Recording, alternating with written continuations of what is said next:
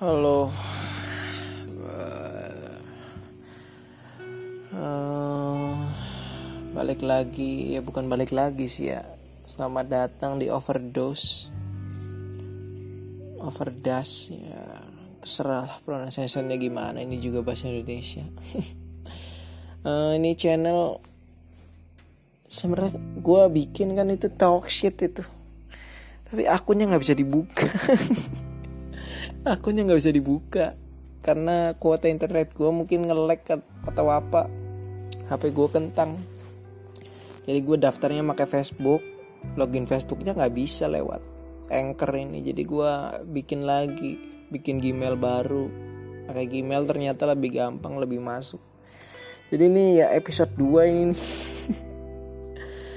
Ya uh, overdose. Ya sama deskripsinya juga. Obrolan over nggak penting karena overthinking dan cannot sleeping. Jadi gue nggak bisa tidur.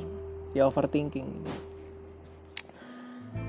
Uh, gue ini rekaman tanggal 15 April 2021 hari Kamis jam 1.49 pagi hari ini hari.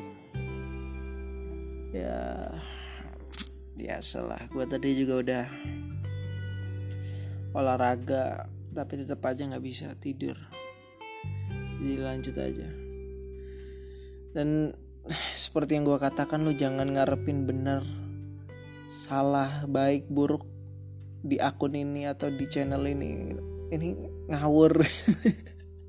Ini orang ngeluh orang nggak jelas ya ngeluh aja gitu. Jadi ya lu jangan ngarepin wah ini bener salah ini baik buruk. Enggak udah ini salah semua ini buruk semua udah isinya. Orang nggak jelas aja. Mending eh, setengah setengah ini setengah keder. Pusing cuma nggak bisa tidur tuh males gitu. Ya gue pikiran kayak gue ini kan anak tengah ya gue tiga bersaudara gue anak kedua ya anak tengah gitu. Dan tainya tuh gue pikir-pikir tuh apa sih untungnya jadi anak tengah tuh nggak ada men? Mediocre aja gitu rata-rata. Misalnya lu anak pertama lu punya power gitu lu punya kekuasaan. Pokoknya apa pun yang lu lakuin tuh walaupun salah tapi masih berwibawa gitu wibawa lu masih ada karena lu anak pertama jadi pengen salah pengen ngaco juga. Selama lu anak pertama itu lebih gampang dimaafkan gitu. Atau lebih gampang terlihat apa ya lebih tidak gampang untuk hancur wibawanya. Karena dia punya power dia punya kekuasaan. Dan dia juga punya pengalaman. Lu misalnya lu ngeritik anak pertama itu gak bisa gitu pengalaman dan pengetahuan itu derajatnya pengalaman di atas pengetahuan itu di bawah gitu. Jadi pengalaman lebih penting. Dan gue ya kadang-kadang tuh aduh pengalaman lebih penting ya udah kita nanya orang yang paling tua aja sedunia gitu kita tanya semuanya gitu. dia kan pengalamannya paling banyak umurnya paling tua gitu. Ya ancur gitu kan ya tapi ya gimana memang secara paradigma sosial kayak gitu tapi ya gue juga kadang-kadang anjing ini gue jadi anak tengah nih apa sih? Benefit apa ya? Apa apa keuntungannya apa keistimewaannya apa hal yang bisa gue ambil sebagai kebaikan gitu dari anak tengah lu kalau anak pertama punya power punya kekuasaan kalau lu anak terakhir lu paling disayang gitu. Ya kita tahu orang tua kita semuanya pasti pada bilang sayang tiga-tiganya tapi beda lah perlakuannya. Nggak mungkin lu pasti punya anak favorit gitu. Lu bayanginnya misalnya anak lu ada yang jatuhin piring atau jatuhin gelas semakin lu marah dengan rusaknya piring atau gelas daripada lu nanyain bagaimana kondisi anak lu. Yaitu semakin lu nggak favorit atau nggak nggak seneng nih. Sama nih anak cuma beban aja. Jadi ya nggak mungkin lah orang tua gue tahu orang tua pasti sayang semua anak gitu. Tapi ya pasti punya anak yang difavoritkan gitu. Yang menurut mereka ya uh, ya sesuai dengan standar mereka lah. Nggak ngeselin. Jadi gue nih sebagai anak tengah nih kekuasaan gak punya. Disayang juga biasa aja gitu. Jadi ngapain gue kadang-kadang tuh aduh apa sih ini? Anak anak tengah nih apa sih jadi gue tuh di, dipaksa untuk menerima untuk mengalah. Ya mungkin itu sih yang ngebuat gue bisa bisa lebih produktif gitu.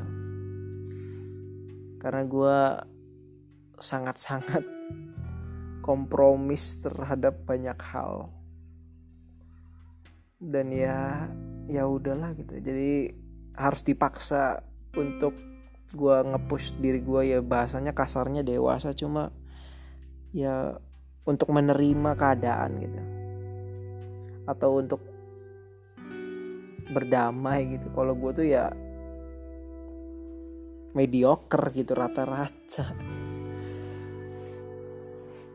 Jadi ya gue nggak bisa melakukan hal konyol dengan seenaknya dan gue juga nggak bisa berharap kalau gue akan diberikan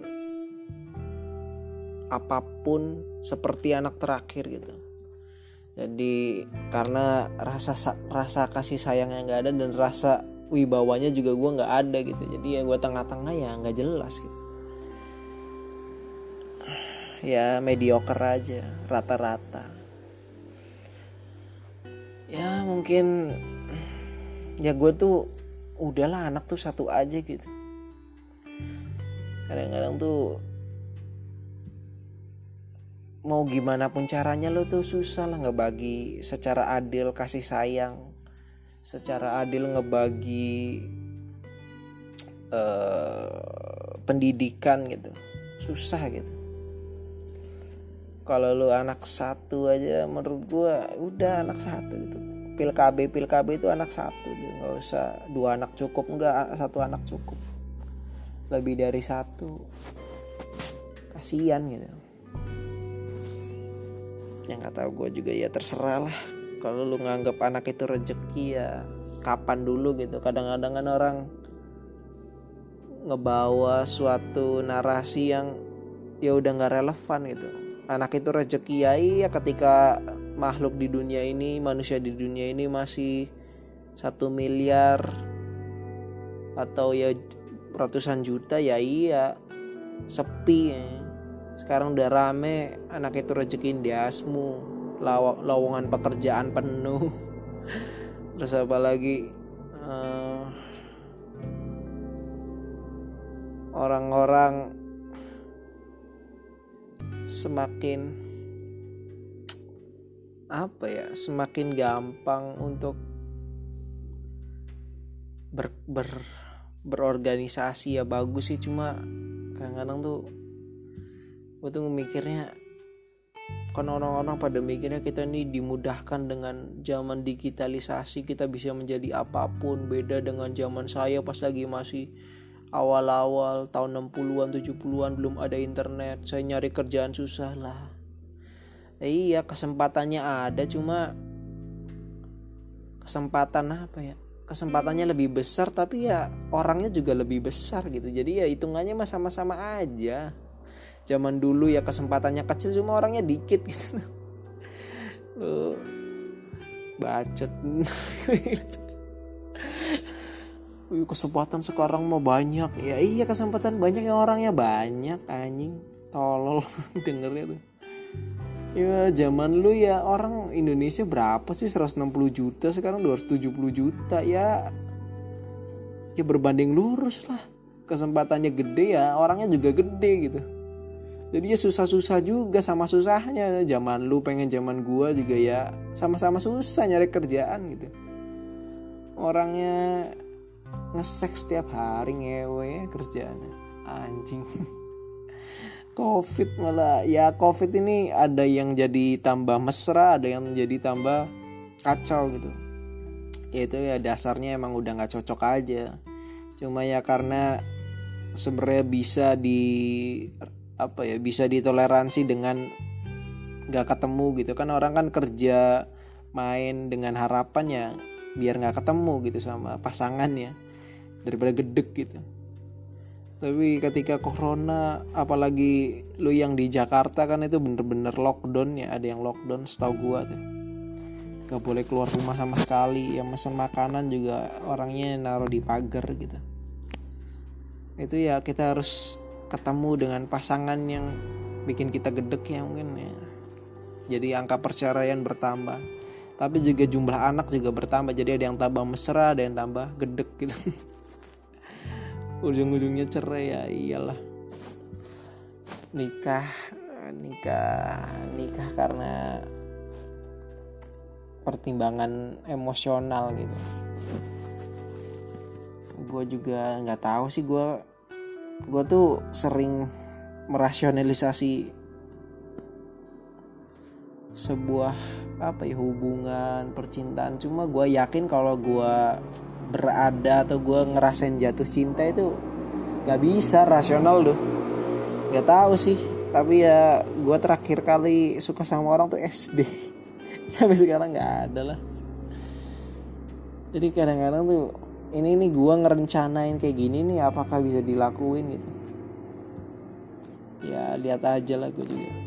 Malah ujung-ujungnya gue ngomong kayak gini nanti gue lulus apa malah gue umur 21 dan nikah bisa aja. Gue sok-sokan ngomong apa nikah dengan pertimbangan emosional cuma gue pas lagi umur 21 nikah sama-sama nggak rasional ya karena ya susah sih lu banyak hal yang lu pertimbangin cuma ketika dilakuin ya beda gitu. Ada di situ ada apa ya ada dorongan impuls yang non rasional gitu nggak bisa. Kalau lu apa kalau lu jatuh cinta rasional menurut gue ya nggak bakal nikah gitu.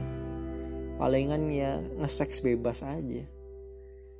Kalau kita rasional nikah tuh apa sih? Nikah tuh apa sih? Gue juga nggak paham sistemnya tuh. Kayak kita harus ya nggak tahu sih gue sih pengennya tuh kayak kita beda rubah. Ya udah gitu kalau lu butuh duit ya gue kasih. Lu butuh gue butuh duit ya lu kasih gitu. Ya udah kita ketemu jalan gitu setiap minggu. Udah gitu aja kenapa harus serumah gitu. Ya nggak tahu sih gue eh terserah lah. Gue ngikut aturan aja. Uh, gue bingung sama ini loh. Waktu kadang-kadang tuh gue kan kayak naik motor gitu. Kesel sama polisi-polisi yang nilang. Ya gue tahu itu kerjaannya cuma bukan salah polisinya gitu. Itu salah ya aturan kan emang kewajibannya tugasnya ya nilang orang. Ada yang bagian kecelakaan gitu. Cuma maksud gue lu nilang tuh ngapain sih?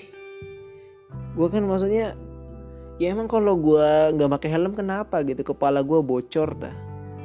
Oke misalnya gue nggak punya sim nih ya nggak apa-apa lu tilang. Cuma kalau kayak nggak pakai helm. Ya maksud gue kalau nggak pakai helm kan yang yang bakal kena bahaya cuma gue gitu. Yang beresiko untuk bahayanya gue gitu. Kalau gue nggak punya STNK atau gue nggak punya SIM ya emang mungkin ya itu membahayakan orang lain. Karena keahlian lu dalam berkendara itu belum terlegitimasi gitu. Belum terresmikan jadi ya lebih res, lebih beresiko kalau lu nggak punya SIM atau STNK dan wajar kalau ditilang gitu. tapi kalau nggak pakai helm tuh ngapain ditilang? Ya udah gitu misalnya gue nggak pakai helm terus ya biar nanti kalau jatuh aman. Ya kalau jatuh mati juga ya udah sih kenapa gitu? Maksudnya kalau lu ngelihat negara-negara yang ngewajibin pakai helm tuh kalau mau lu ngewajibin kita pakai helm kita nggak nggak ngebahayain apa ya nggak meresikokan hidup kita sendiri. Ya lu bikin aturan atau bikin sistem yang di mana kita nggak boleh gitu mau resikokan nyawa kita sendiri atau kesehatan kita sendiri. Jadi ya kalau kecuali gua nih gak pakai helm dan gua kecelakaan dan gue dibawa ke rumah sakit. Nah gue rumah sakit itu dibayarnya sama pemerintah gitu. Baru lu boleh maksa gue pakai helm. Karena kalau gue nggak pakai helm dan gue kecelakaan gue bakal merugikan negara gitu. Tapi kalau gue nggak pakai helm dan gue yang bayar rumah sakit misal kecelakaan yang dirugikan kan cuma gue gitu. Gue yang bocor aja. Negara nggak rugi ngapain gitu? Gak usah dilegitimasi gitu kita pakai helm kecuali lu bikin aturan kalau negara bakal memfasilitasi dan menunjang biaya orang yang kecelakaan tabrakan gitu. Ya nggak apa-apa. Lu maksa gua pakai helm karena ya kalau gua nggak pakai helm gua kecelakaan gua merugikan negara. Gua merugikan kas negara gitu. Gua menggunakan kas negara. Jadi ya maksa pakai helm. Dan gak apa-apa ditilang tapi kan yang nggak ada kok gue rumah sakit bayar sendiri. Gue kecelakaan juga ya beresin motor sendiri. Jadi ya apa sih yang yang ruginya apa dari negara gitu tuh? Gak usah maksa gue lah. Gitu.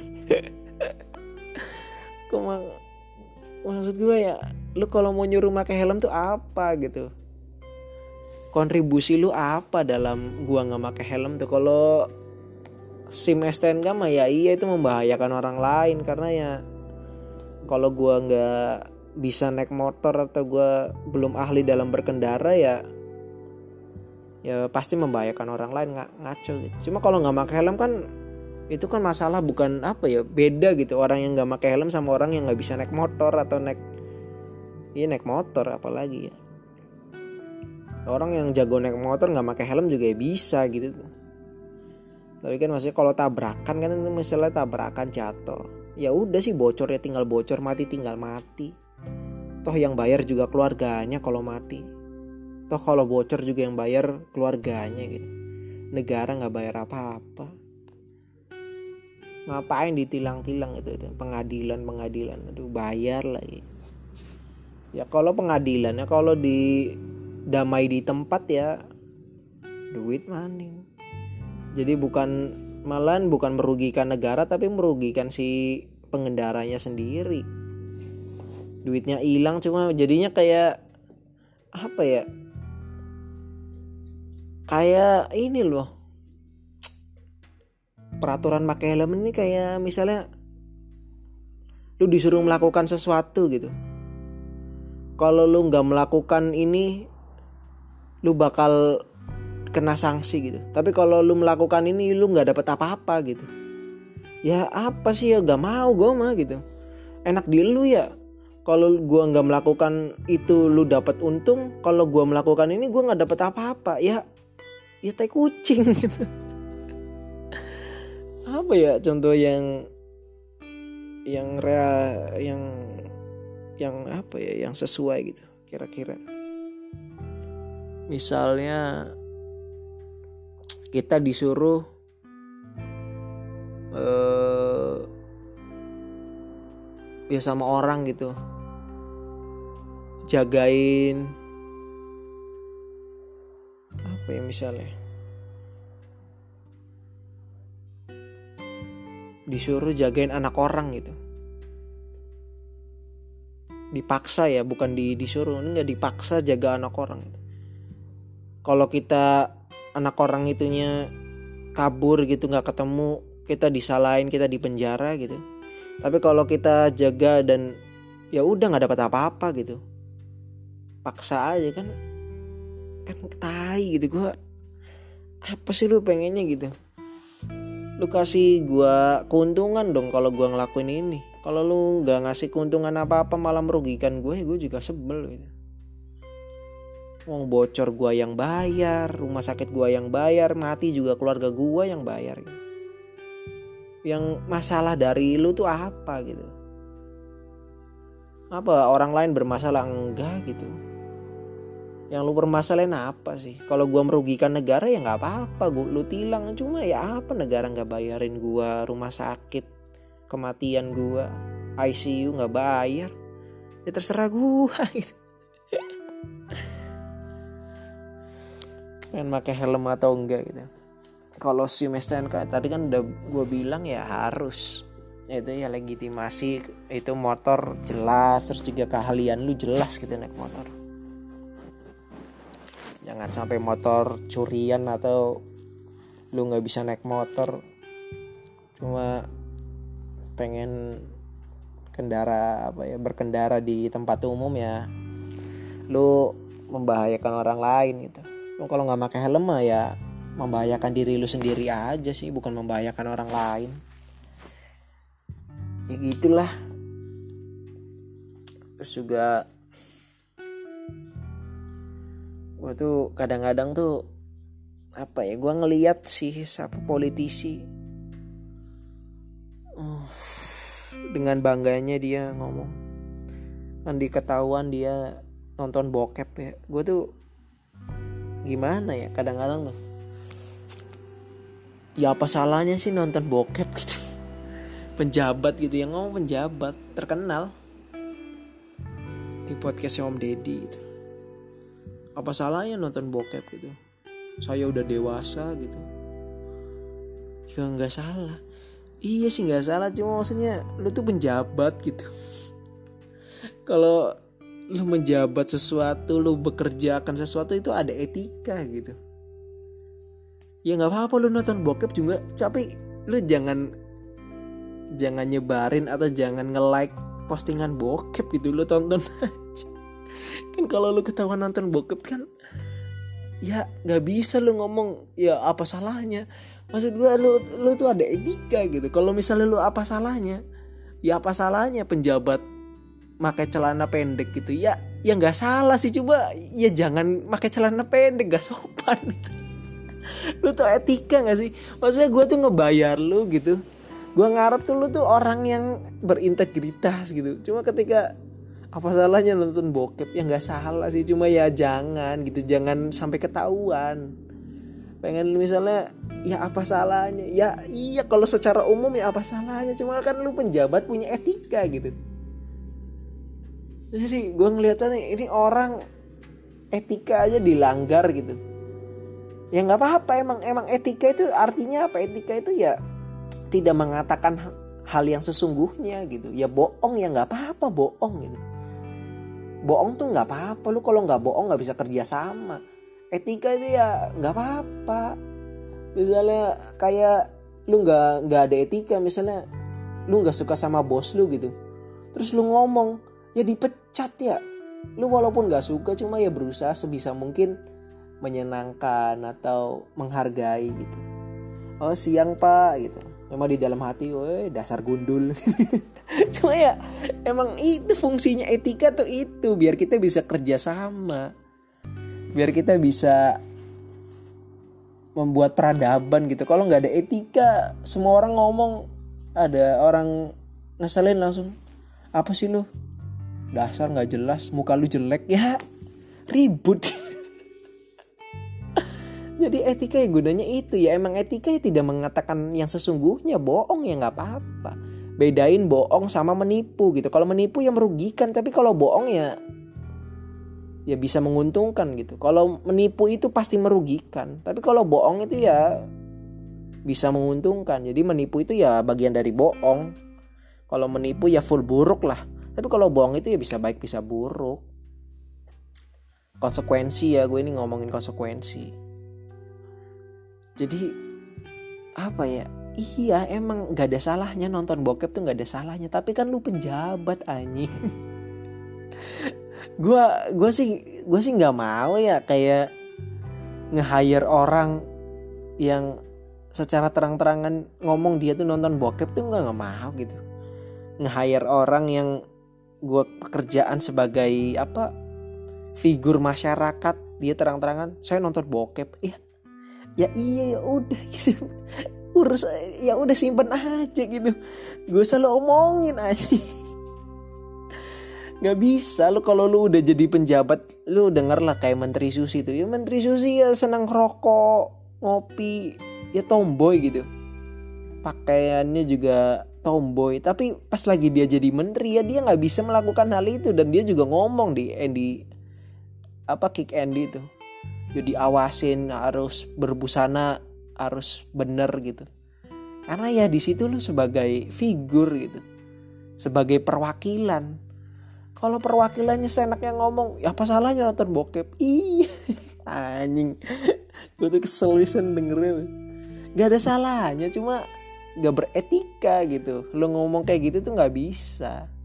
Ya emang sih karena ya serba salah dia juga. Karena gue yakin juga dia nge-like postingan atau dia ketahuan nonton bokep itu ya bukan kehendak dia mungkin. Ya nama juga orang tua lah nggak ngerti mungkin asal nge-like nge-like. Asal nge-like asal ya jadi asal nge-share jadinya ketahuan ya tolol. Terus siapa lagi ya? Ya gue juga tapi ya gue tapi ya bokep itu kadang-kadang ngebuat kita sebenarnya lu tuh apa ya? Gak ada gak ada dari kita yang gak laku gitu sebenarnya. Kalau kita ngelihat bokep gitu pengen lu yang gendut ada pasarnya lu yang kurus ada pasarnya. Lu yang apa ya secara rupa jelek itu ada pasarnya. Lu secara apa rupa kayak orang sakit itu ada pasarnya gitu. Jadi karena lu bokep tuh ya lu kalau ngelihat bokep itu sebagai refleksi kalau diri lu tuh ada pasarnya gitu. Jadi nggak usah minder atau nggak usah skeptis dengan gue nih ada nggak sih jodohnya gitu? Ya lihat aja gitu di bokep. Orang segendut apa pun juga ya ada yang nonton gitu. Ada yang like ada yang komen. She's very hot gitu kayak ya ada yang ngomong itu tuh ya ya seksi gitu kayak gitu tuh. Banyak gitu. Ada yang kurus sampai kering kurus kering gitu. Ya ada ya ada pasarnya. Ada yang sampai pucat perempuannya tuh. Ada yang senang senang perempuan pucat gitu. Jadi bokep itu bisa jadi refleksi kita kalau ya kita tuh pasti ada pasarnya. Pengen lu yang dadanya rata pengen lu yang dadanya rata-rata atau pengen lu yang dadanya terlalu besar gitu ya ada pasarnya. Kalau kita ngeliat-ngeliat gitu. Atau ya misalnya yang lu yang seneng operasi plastik juga ada pasarnya. Jadi ya bokep itu menurut gue platform platform apa ya? Platform kita bisa bisa bisa menerima perbedaan secara secara mutlak. Nggak ada diskriminasi dalam di dalam bokep gitu. Kita tahu kalau ada yang suka genre cheating gitu genre perselingkuhan ada yang suka genrenya vanilla kayak lurus-lurus aja ada yang suka genrenya stepfather stepmom gitu. Jadi kalau kita bercermin bercermin dengan bokep gitu kita mempelajari bokep terus kita menggunakan cara hidup kita dengan preferensi bokep kita mungkin kayaknya lebih indah gitu. Jadi kita menciptakan paham bokepisme kalau kita bisa belajar dari bokep gitu. Semuanya tuh ya orang ya beda-beda preferensi beda-beda. Karena gue mikir tuh ideologi itu bukan sebagai pedoman gitu. Ideologi itu atau asas itu bukan sebagai pedoman tapi ideologi itu sebagai justifikasi orang. Jadi orangnya emang udah seperti ini dan dia nyari pembelaannya dari ideologi gitu. Jadi orang menurut gue ya misalnya orang ada kan kita misalnya ini agama teroris gitu. Maksud gue kalau kita ngelihat gitu. Kalau kita dibilang kalau orang ini apa ya salah menafsirkan ya oke gitu tapi kalau kita orang ini salah menafsirkan ajaran agama tersebut ya berarti kan itu bisa ditafsirkan ke sana gitu atau ya ada gitu poin-poin tentang uh, melakukan terorisme atau pendukung apa ya mendukung akan hal-hal yang radikal gitu. Itu pasti ada gitu kita nggak bisa menafikan. Cuma kita beda tafsiran aja kita yang menurut kita ini ajaran yang damai cuma bagi mereka itu ajaran yang radikal gitu. Ajaran yang ter menyebarkan teror. Jadi kalau gue ngeliatnya gini loh ini ada suatu ada suatu ideologi gitu.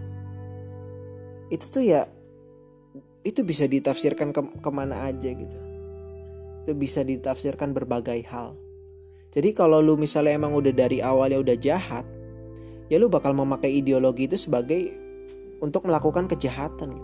Kalau lu baik, lu bakal menjustifikasi di kebaikan lu itu dengan ideologi itu. Jadi ideologi itu bukan sebagai pedoman.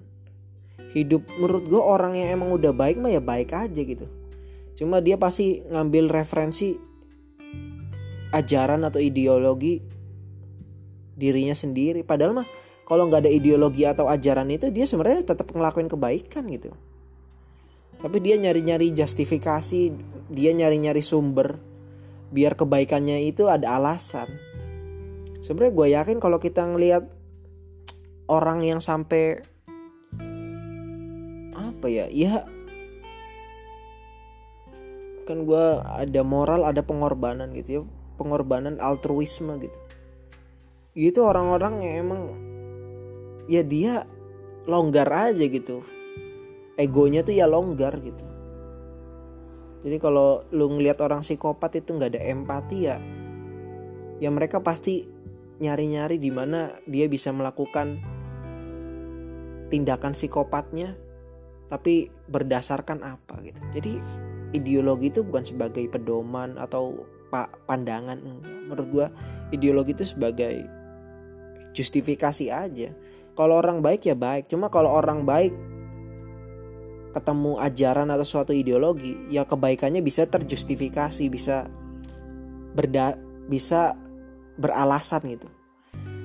Tapi ya sama kalau orang jahat emang udah jahat gitu ketemu suatu ideologi atau ajaran. Ya dia bakal pakai ideologi itu sebagai justifikasi tindakan kejahatannya. Gitu loh. Jadi ya itulah kenapa ada yang pesi ada ideologi optimis ada ideologi pesimis. Kalau kita tanya mana yang benar ya lama gitu pasti debat. Gak ada apa ya gak ada yang bakal bis apa ya argumennya sama-sama kuat gitu kita dari satu pandangan apa ya? Satu hal itu bisa sampai banyak tafsir gitu. Ada yang optimis ada yang pesimis gitu. Terus ada yang berusaha moderat gitu. Dan kalau kita nanya yang bener ya semuanya bisa bener gitu. Karena argumentasinya kuat juga. Jadi dari sini kan kita mikirnya gue mikirnya tuh orang yang dia yang emang pesimis dia bukan berarti dia menganut ideologi apa ya? Dia bukan berarti dia menganut ideologi pesimisme gitu. Dia emang secara biologis itu udah udah pesimis. Tapi ketika dia tahu ada pesimisme otaknya kan kontapi apa ya? Otaknya kompatibel dengan ideologi pesimisme. Jadi dia menggunakan ideologi pesimisme itu sebagai justifikasi keadaan biologisnya gitu yang dia kompatibel dengan hal pesimis. Tapi kalau emang lu otak lu nggak kompatibel dengan hal pesimis itu hal pesimis tuh bakal lu tolak terus gitu. Kalau otak lu kompatibel dengan motivasi apa terus juga apa misalnya ya lihat lihat faedahnya gitu ya lu nggak bakal bakal nerima pesimisme gitu jadi ini bukan masalah pedoman atau cara hidup. Enggak ini mah masalah justifikasi aja. Orang jahat ya udah jahat orang baik ya udah baik. Cuma ketika dia nemu suatu ajaran atau ideologi, dia pakai ajaran atau ideologi itu buat membela perilaku jahatnya atau perilaku kebaikannya. Jadi bagi gue misalnya kita buang semua ajaran, buang semua ideologi, gue yakin ya orang tetap aja bakal sodako. Orang tetap aja bakal melakukan kebaikan orang tetap aja bakal ngelakuin kejahatan. Walaupun gak ada ideologi atau gak ada ajaran gue yakin itu. Karena secara biologis ya kita ada otak kita buat milih mana baik mana buruk gitu. Gak usah gak usah inilah gak usah mendalami sesuatu yang enggak kalau emang bakat lu udah bisa membedakan baik buruk secara komprehensif ya itu lu nggak nggak nggak usah butuh justifikasi enggak lu bisa dapat itu dari kehidupan sosial aja. Berinteraksi. Kita kalau lihat oh ini kalau gua ada orang yang dilakukan seperti ini orang itu bakal sakit hati gitu. Atau ya kalau gua moral gue itu gampangnya kayak ya kalau apa ya gimana kalau gue di posisi dia gitu. Itu moral tersimpel lah itu salah satu bentuk moral tersimpel apa tersimpel kayak misalnya lu ada ngeliat pemain band gitu yang nggak bagus-bagus amat gitu. Tapi lu pikirin kalau apa ya kalau lu seneng bermain band terus juga lu manggung gitu minimal lu manggung. Tapi orang-orangnya nggak pada merhatiin atau orang-orangnya malah pada gak ngehargain gitu. Perasaan lu gimana gitu jadi gue ya misalnya ada orang yang main band atau orang yang nyanyi walaupun yang nggak bagus-bagus amat ya tetap gue hargain gue dengerin sampai selesai gitu. Karena gue mikirnya kalau gue manggung ya kalau gue performance performance terus gak ada orang yang ngehargain gak ada orang yang memperhatikan gue pasti bakal apa ya bakal ya bakal sakit hati gitu. Gimana ya bahasanya apa ya ya itulah jadi memposisikan diri kita dengan diri orang lain gitu. Itu ya mungkin empati itu seperti itu ya. Jadi ya nggak harus nggak harus kita nggak harus belajar dalam-dalam kita nggak harus baca buku sampai ribuan supaya kita bisa bermoral enggak kalau lu tinggal lu ya lu sering sosialisasi aja sih sering lihat gitu sering mempelajari. Kayak misalnya gue orang tua gue gitu kan. Ya gue ngeliatin oh kalau gue ngomong kayak gini orang tua gue bakal sedih gitu. Oh kalau gue melakukan ini orang tua gue bakal marah gitu.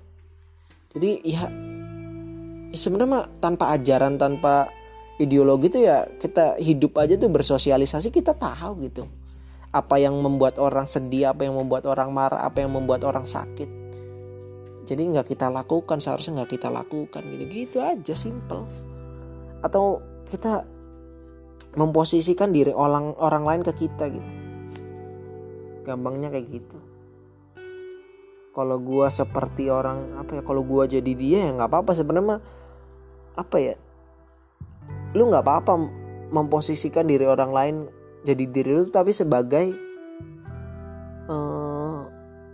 pemakluman gitu tapi bukan sebagai peren, ngerendahin atau apa. Kan kalau kalau gue jadi lu gitu kan. Kalau gue jadi lu gue bakal begini gini gini. Ya lu ngapain sih gitu kayak gitu. Mendingan kalau lu make uh, penggunaan konsep kalau gue jadi lu tuh sebagai ya penghargaan gitu. Kalau gue jadi lu kalau gue jadi lu mah gue nggak bakal bisa kayak gitu tuh. Jadi itu sebagai penghargaan gitu. Bukan sebagai penger apa merendahkan. Itu mah songong aja gitu. Atau kita kalau gue jadi lu ya gue juga bakal melakukan itu sih. Jadi sebagai pemakluman sebagai penghargaan atas perbuatan orang. Bukan sebagai merendahkan gitu. Kalau gue jadi lu gue gue mah nggak bakal kayak gini sih yang bener tuh gini ya ya udah sih ngeselin. Tapi ya kalau itu diminimalisir kalau bisa mah ya lu simpen aja jangan lu sampaikan gitu. Pasti kalau kita ngelihat orang itu pasti kita apa ya konsep kalau gue jadi lu tuh pasti ya ada gitu. Tapi ya urusan kita mau menyampaikan atau enggak kan bisa ini. Udah kalau misalnya menurut kita kita nggak nggak akan melakukan itu ya udah simpen aja. Atau kita bakal kita nggak bakal melakukan itu atau kita bakal melakukan itu ya simpen aja gitu. Nggak usah kita sampaikan. Ya kalau lu sebagai pujian mah ya nggak apa-apa. Silakan aja gitu. Itu mau apa ya menguntungkan secara interaksi gitu. Cuma kalau lu menggunakan itu sebagai penghinaan atau pengerendahan atas kualitas dirinya dalam menghadapi masalah yaitu lu memperburuk interaksi gitu ya gue nggak tahu sih. Uh, tadi ngomongin apa sih awalnya kok jadinya ke sini sih? Ya gue juga kadang-kadang ya gitulah gue tuh nggak tahu sih gue kadang-kadang ini bagus nggak sih gue berusaha netral tuh? Apa gue tuh harus memihak gitu karena kalau gue netral itu kadang-kadang tuh ujung-ujungnya gue melihat apa ya melihat kualitas manusia itu ya sama aja kayak hewan lain gitu. Atau sama kayak ya manusia sama tikus tuh sama. Jadi ya lu makan tikus sama lu makan manusia tuh ya sama gitu bukan berarti manusia lebih mulia atau apa. Jadi gue berusaha objektif gitu. Ya kadang-kadang tuh gue memihak apa ya? Apa gue harus berusaha memihak? Memihak manusia. Jadi ya manusia itu lebih mulia jadi lu nggak apa-apa. Kalau kita berusaha objektif kayak ya misalnya singa itu hewan buas atau apa ya? Buaya itu hewan buas gitu beruang itu hewan buas. Maksud gua dasar buas itu tuh maksud lu apa gitu? Buas itu secara apa? Ya karena dia memakan daging gitu atau dia kadang apa ya karena kata buas itu karena membahayakan manusia gitu. Kalau kita ngelihat secara makannya ya manusia itu lebih buas. Kalau kita misalnya beruang makan apa? Makan ikan gitu atau madu ya. Kalau di Masya ya. And the bear. Tapi manusia ini ya tumbuhan dimakan daging dimakan jamur dimakan bakteri dimakan yakul tuh jadi kalau misalnya kita lebih buas mana beruang sama manusia lebih buas manusia gitu. Semuanya dimakan. Beruang cuma makan ikan sama madu gitu. Tapi kan bu, kata buas ini bukan sebagai apa yang dia makan tapi sebagai uh, ancaman gitu buas ini ya bagi manusia karena membahayakan gitu. Kalau kita ngelihat ada singa makan kijang gitu, ya wajar gitu. Yang jahat yang mana? Ya itu mah bukan jahat bukan bukan baik gitu. Kalau singa makan kijang ya wajar emang kayak gitu gitu. Simbiosis tuh kayak gitu Cuma kalau kita bawa yang jahat, yang buas yang mana ya? Yang jahat ya bagi apa ya? Yang yang baik yang mana ya? Bagi kijangnya si si si singa jahat tapi bagi si singa ya perilakunya itu yang menguntungkan gitu bukan kejahatannya dia harus makan gitu jadi gitu loh kalau kita ngelihat secara objektif tuh gitu tapi gue kadang-kadang berusaha untuk membela atau memihak manusia gitu. Sebagai uh, entitas. Ya karena ya gue manusia ya gue seharusnya mem membela manusia. Jadi gue tuh berusaha untuk untuk memegang nilai tapi susah gitu. Karena ketika gue memegang nilai gue bisa ngelihat kenapa orang ini megang nilai yang lain atau kenapa nilai yang lain ini bisa muncul. Karena gue cara gue mencari sudut pandang tuh nggak nggak sesimpel kayak oke okay, gue punya sudut pandang A gitu. Tapi gue kalau gue nyari suatu sudut pandang atau gue menafsirkan suatu tema atau topik itu bakal panjang gitu. Gue mungkin bisa dapet lebih dari empat sudut pandang gitu. Jadi gue kadang-kadang tuh gak bisa tak kayak gue berusaha untuk megang satu sudut pandang tapi gue nggak bisa gitu. Ketika gue berusaha untuk megang satu sudut pandang dan satu apa ya misalnya gue dapat empat sudut pandang tapi kan kalau gue menyampaikan empat-empatnya jadinya kan kontradiktif gitu. Jadi gue menyampaikan satu tapi ketika gue menyampaikan satu itu nggak nyaman di di gue tuh nggak nyaman kayak ya kayak gue tuh ngerasa bersalah aja gitu karena ya masih ada sudut pandang lain yang itu bisa di apa ya bisa dijelaskan secara argumentatif dan rasional gitu. Jadi ketika gue memihak satu sudut pandang atau gue mendapatkan apa ya gue menyampaikan satu sudut pandang aja gitu atas sesuatu, setuju atau nggak setuju gitu, baik atau buruk, ya gue susah gitu. Karena gue bisa ngelihat ini ada baiknya, ini ada buruknya gitu. Baiknya ada berapa baiknya dari ada sudut pandang baiknya ada lima poin. Sudut pandang buruknya ada 8 poin gitu. Jadi apa ya istilahnya? Misalnya kalau kita memegang suatu ideologi kita memihak gitu. Kita misalnya lu memihak ideologi kapitalisme atau komunisme. Lu pasti melihat itu misalnya lu ada orang yang melakukan sebuah aktivitas. Lu ngelihat itu dari gedung komunis gitu atau lu ngelihat itu dari perusahaan kapitalis gitu. Bangunan-bangunan. Ini kita anggap ini sebagai ada suatu desa gitu ada bangunan-bangunan. Ada kantornya kapitalis ada kantornya komunis ada kantornya orang pesimis ada kantornya orang optimis ada kantornya orang realis gitu ada kantornya orang materialis gitu ada kantornya orang esensialis ada kantornya orang metafisika jadi ini kantor-kantornya berbeda tempat gitu. Berbeda wilayah.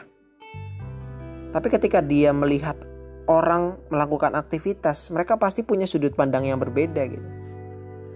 Karena dia gak mungkin apa ya melihat itu sebagai ya tindakan ya tindakan. Ya gue tapi kalau gue tuh secara proses gue bisa bersamaan gue bisa ngelihat ya dari kantor-kantor tersebut gitu. Gak cuma satu gue jadi gue nggak bisa di satu kantor gitu. Karena gue tahu kantor-kantor lain juga bisa bener gitu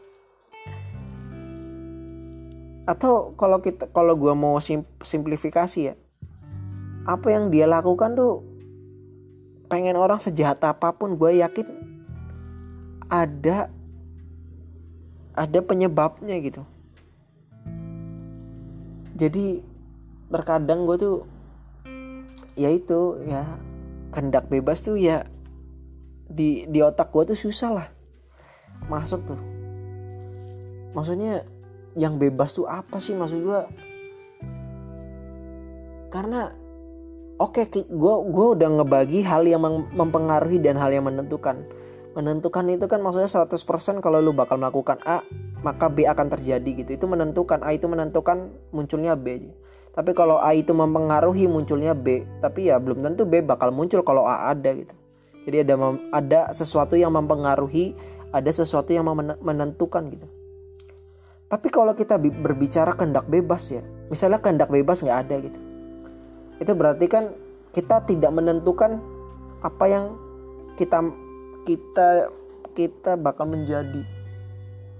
Tapi walaupun kehendak bebas ada, kehendak bebas kita itu dipengaruhi oleh keadaan sosial, oleh pengasuhan orang tua kita, oleh pengajaran guru kita, oleh sekolah, oleh lingkungan. Jadi kehendak bebas kita tuh ya dipengaruhi itu sampai 90% sampai 80% gitu. Jadi menurut gua kalau kita dipengaruhi oleh faktor eksternal hingga 80%, 90% atau di atas 60%, ya kehendak bebas kita ya gak terlalu bebas gitu. Maksudnya ya bebasnya di mana sih gitu. Karena lingkungan mempengaruhi kita, pengasuhan orang tua mempengaruhi kita, genetika mempengaruhi kita, sekolah, kurikulum mempengaruhi kita, keadaan sosial mempengaruhi kita. Sahabat teman mempengaruhi kita. Jadi kehendak bebas kita tuh terpengaruh dengan banyak variabel. Yang kalau kita pikir-pikir ya kita tuh melakukan itu ya karena terpaksa gitu karena lingkungannya begini kurikulumnya begini pengasuhan orang tuanya orang tua kita begini keadaan sosialnya begini. Jadi tercipta kita. Jadi walaupun kendak misalnya kendak bebas nggak ada itu menentukan berarti kita tidak bisa menentukan apa yang kita lakukan gitu. Tapi kalau misalnya kendak bebas ada walaupun ada tapi kita juga sepakat kalau faktor eksternal itu mempengaruhi kita kan dalam kita menentukan ke apa ya keputusan kita secara sadar gitu faktor eksternal itu mempengaruhi gimana orang tua lu mengasuh lu itu akan akan sangat mempengaruhi gitu jadi kalau pengaruhnya itu sampai di tingkat 90%, 80%, 70%, di atas 60%, ya kehendak bebas itu ya gak ada lah minimal kehendak ada tapi gak bebas gitu. Itu terarah gitu, kehendak kehendak yang terarah. Kan kalau menentukan itu 100%, tapi kalau pengaruh itu di bawah 100% gitu. Tapi kalau sampai pengaruhnya 99% kayak misalnya orang apa anaknya orang kaya belum tentu kaya gitu. Ya oke okay, gitu. Emang anaknya orang kaya belum tentu kaya. Ada tapi misalnya anaknya orang kaya jadi kaya apa ya orang berarti kan argumentasinya anaknya orang kaya belum tentu kaya gitu. Tapi kalau argumentasinya apa ya maksud gua gak menentukan apa ya anaknya kalau lu jadi anak orang kaya itu tidak menentukan lu akan sukses gitu. Kalau mempengaruhi pasti. Tapi maksud gua kalau lu sukses tapi dengan koneksi ayah lu terus juga lu sukses dengan bekerja di perusahaan ayah lu atau lu sukses karena lu dibiayain kuliah di luar negeri oleh ayah lu gitu. Lu dibiayain les. Jadi kekayaan orang tua lu tuh ya mempengaruhi 99% ke kesuksesan lu gitu. Jadi ya menurut gue ya kalau udah sampai tingkat itu ya ya anak orang kaya itu menentukan apa ya? kesuksesan gitu. Kalau lu anak orang kaya menentukan kesuksesan karena semua kesuksesan lu itu ya 99% dipengaruhi oleh kondisi kekayaan orang tua lu gitu. Kecuali lu orang tua lu kaya tapi lu sama sekali nggak make make kondisi kekayaan orang tua lu koneksinya atau uangnya untuk untuk kesuksesan lu. Misalnya apa? Ya lu berusaha sendiri gitu. Lu nggak dikasih mau apa? Kayak misalnya lu punya motor aja itu itu itu fasilitas yang sangat bagus gitu. Orang lain yang mungkin nggak punya motor dia ya nggak bisa gitu. Pergi ke mana pergi ke mana atau jualan atau usaha apa. Lu lu punya motor aja itu fasilitas yang sangat gede menurut gue itu sangat berpengaruh gitu. Orang yang punya motor atau orang yang nggak punya motor. Kalau orang nggak punya motor dia pasti ada usaha-usaha yang nggak bisa dia lakuin. Tapi kalau lu udah punya motor ya lu bisa COD lu bisa apa jadi ketika lu bilang kalau ya gue anak orang kaya tapi ya walaupun gue anak orang kaya bukan berarti gue pasti bakal sukses gitu. Ya oke tapi kalau kesuksesan lu itu di terjadi karena ya lu makai duit bapak lu terus juga lu masuk perusahaan bapak lu gitu nyok bokap lu. Terus juga lu makai koneksi bokap lu terus juga lu makai uang bokap lu buat modal gitu. Ya jadinya kesuksesan lu itu ya ditentukan oleh kekayaan orang tua lu karena pengaruhnya itu sampai di atas 90% gitu. Ujung-ujungnya menentukan gitu kalau udah sampai 90% 80% kalau lu cuma pakai kondisi kekayaan orang tua lu 50% atau 40% ya oke lah itu masih mempengaruhi gitu. Tapi kalau di atas 90% ya itu udah menentukan lah hitungannya lah. Terlalu besar gitu. Jadi kehendak bebas itu ada tapi ya kita tuh ya penentuannya tuh ya banyak faktor eksternal gitu yang ngebuat kita ya nggak bebas. Karena kita lingkungan kita kondisi sosialnya kayak gimana gitu. Jadi lu mengharapkan misalnya ada negara ancur sama negara yang stabil gitu. lu mengharapkan di negara ancur ini orang-orang pada bermoral orang-orang pada beradab ya susah gitu. Karena ya emang di negara ancur itu ya orang saling mencuri orang saling membunuh gitu kalau dia nggak ngebunuh dia nggak mencuri ya dia nggak bakal hidup. Atau kalau dia nggak mencuri ya aneh gitu. Yang orang semuanya mencuri ya gimana gitu. Dia dia terdoktriner kalau mencuri itu ya nggak apa-apa. Jadi kalau misalnya ya maksud gua gimana sih? Konsepnya tuh gimana sih? Ya itulah ada ada ya yang menentukan ada yang mempengaruhi gitu ya gitulah ya udah 55 menit. Uh, semoga gue bisa tidur ini ya. Uh, nanti gue bakal bikin lagi ya setiap gue overthinking aja gue bikin asal ini. Asal ngomong gue kepikiran gue sampein premis-premis ya udah gitu aja. Uh, tungguin aja episode episode over overdose ini di ya di akun ini gitu. Bukan di talk shit ya hilang talk shit gak bisa udah. Jadi gue bakal nulis ini episode 2 tapi ya ya gak tau sih gue nulis episode 1 aja lah. Ini A1 gitu. Ya udah gitu aja. Dadah